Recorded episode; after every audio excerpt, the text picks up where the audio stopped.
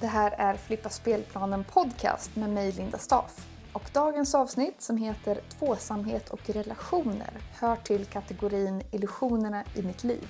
Det här är en högläsning av en del av en serie blogginlägg jag skrev 2022. Och det är först nu, två år senare, som de fått nytt liv i och med att jag nu även delar de här i podden. Det är en serie där jag ifrågasatt den livsstil jag har eller haft och om hur jag upptäckt att jag levt mer mitt liv utifrån mitt ego än mitt hjärta. Vilket ju är en process såklart, då jag gör nya insikter hela tiden.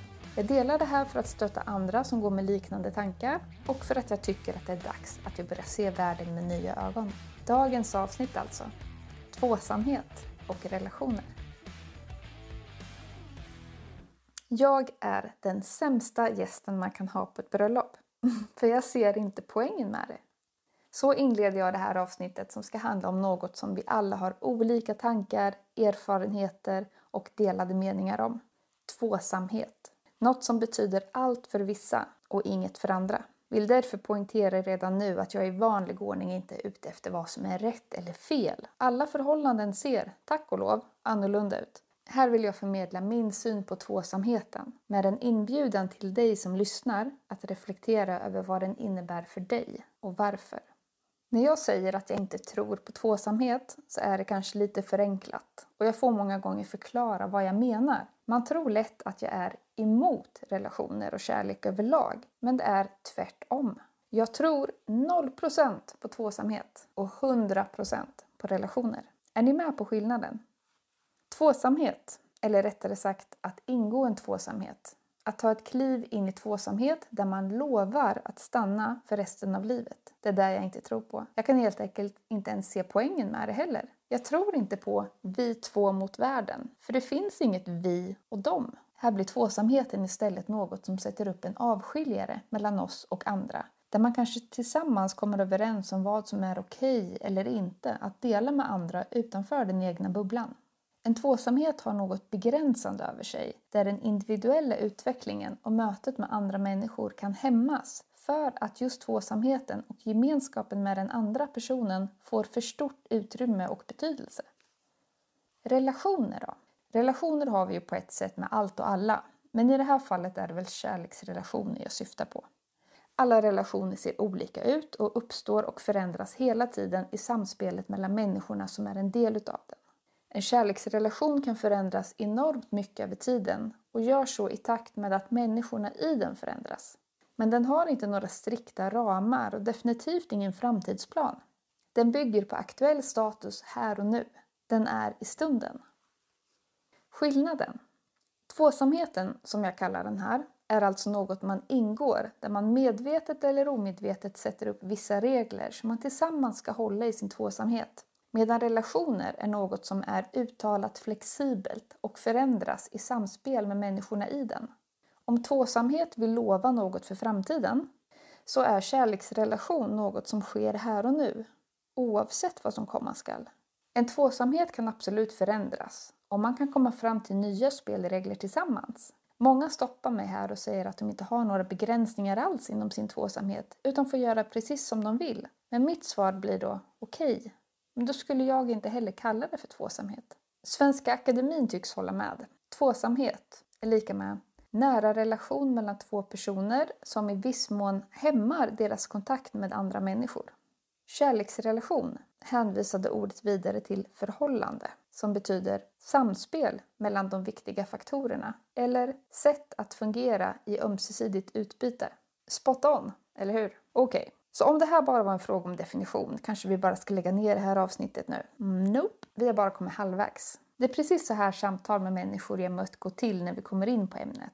Först säger de sig tro stenhårt på tvåsamheten och när jag talat om dessa skillnader blir de många gånger helt övertygade om att det bara var en definitionsfråga och att de i så fall, trots allt, är helt för en kärleksrelation istället. Men vid djupare diskussion visar det sig att bakom önskan om att leva i en kärleksfull relation som är ett ömsesidigt utbyte och samspel mellan två individer så lurar den där tvåsamheten trots allt. Som något slags kontrollbehov eller maktsökande ego. Och när den får utrymme så kan den sappa en hel del.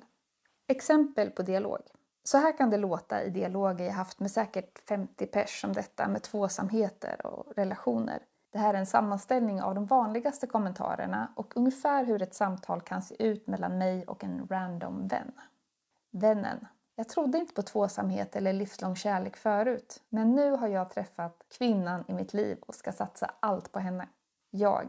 Du är 45 år nu, med fyra relationer i bagaget. Du är för gammal för att snacka livslång kärlek när du är halvvägs genom livet. Se det för vad det är. Det här är en kärleksrelation av flera i ditt liv. Go for it, men lura dig inte. Vännen. Men det här är skillnad. Den här gången är det på riktigt. Jag. Och de andra var på låtsas. Alla relationer är på riktigt. Alla har ett syfte, lärdomar. Men om du syftar på att denna gång kommer att hålla livet ut, hur vet du det efter ett år tillsammans? Det borde väl ta runt 40 år att inse något sånt? Vännen, jag har alltid drömt om att få dela livet med någon, att aldrig vara ensam och med vetskapen om att det alltid kommer finnas någon där och att vi tar hand om varandra. Tvåsamheten är en trygghet, vetskapen om att det alltid finns någon där för mig. Jag, det kommer alltid finnas någon där för dig. Olika personer för olika syften. Att tro att en person ska kunna möta dig i allt du behöver är att lägga en ofantlig börda på personens axlar och bli något som begränsar er båda. Vännen, jag behöver ingå en tvåsamhet med någon för att kunna lita på personen. Att vi liksom lovar varandra trohet och tillit. Jag, lura dig inte. Sånt lovar man inte på förhand. Sånt visar man med tiden. Det är väl inte orden som gör dig trygg eller får dig att lita på någon? Är det inte tiden ni spenderar tillsammans under alla de stunder och upplevelser ni delat som kan leda fram till att du känner trygghet och tillit till en person? Man kan inte visa sånt med ord, bara genom handling. Vännen, tror du inte man kan leva i en kärleksrelation livet ut? Jag, absolut. Vännen, så varför tror du inte på tvåsamheten?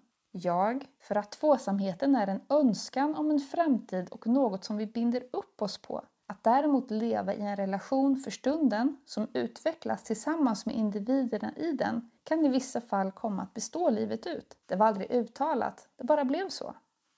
Vännen. Men om du lever i en följsam kärleksrelation så är det också en slags tvåsamhet. Jag, i stunden, i minuter som går, så är det kanske en tvåsamhet. Men det finns inget uttalat som lovar något ens om morgondagen. Det finns inget som förbinder inför framtiden. Vännen, så ni skulle alltså kunna gå skilda vägar imorgon? Jag, japp. Men det kan de i en tvåsamhet också göra. Men ett sånt uppbrott kommer kretsa väldigt mycket kring skuld och skam.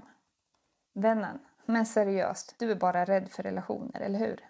Jag? Nej, jag älskar relationer. Det är tvåsamheten jag är emot. Vännen, men du är rädd för att ingå i något seriöst för du är rädd för att det ska ta slut. Jag, jag vet att det som är bara är för stunden, eller i nuet. Därför värdesätter jag varje minut oerhört mycket.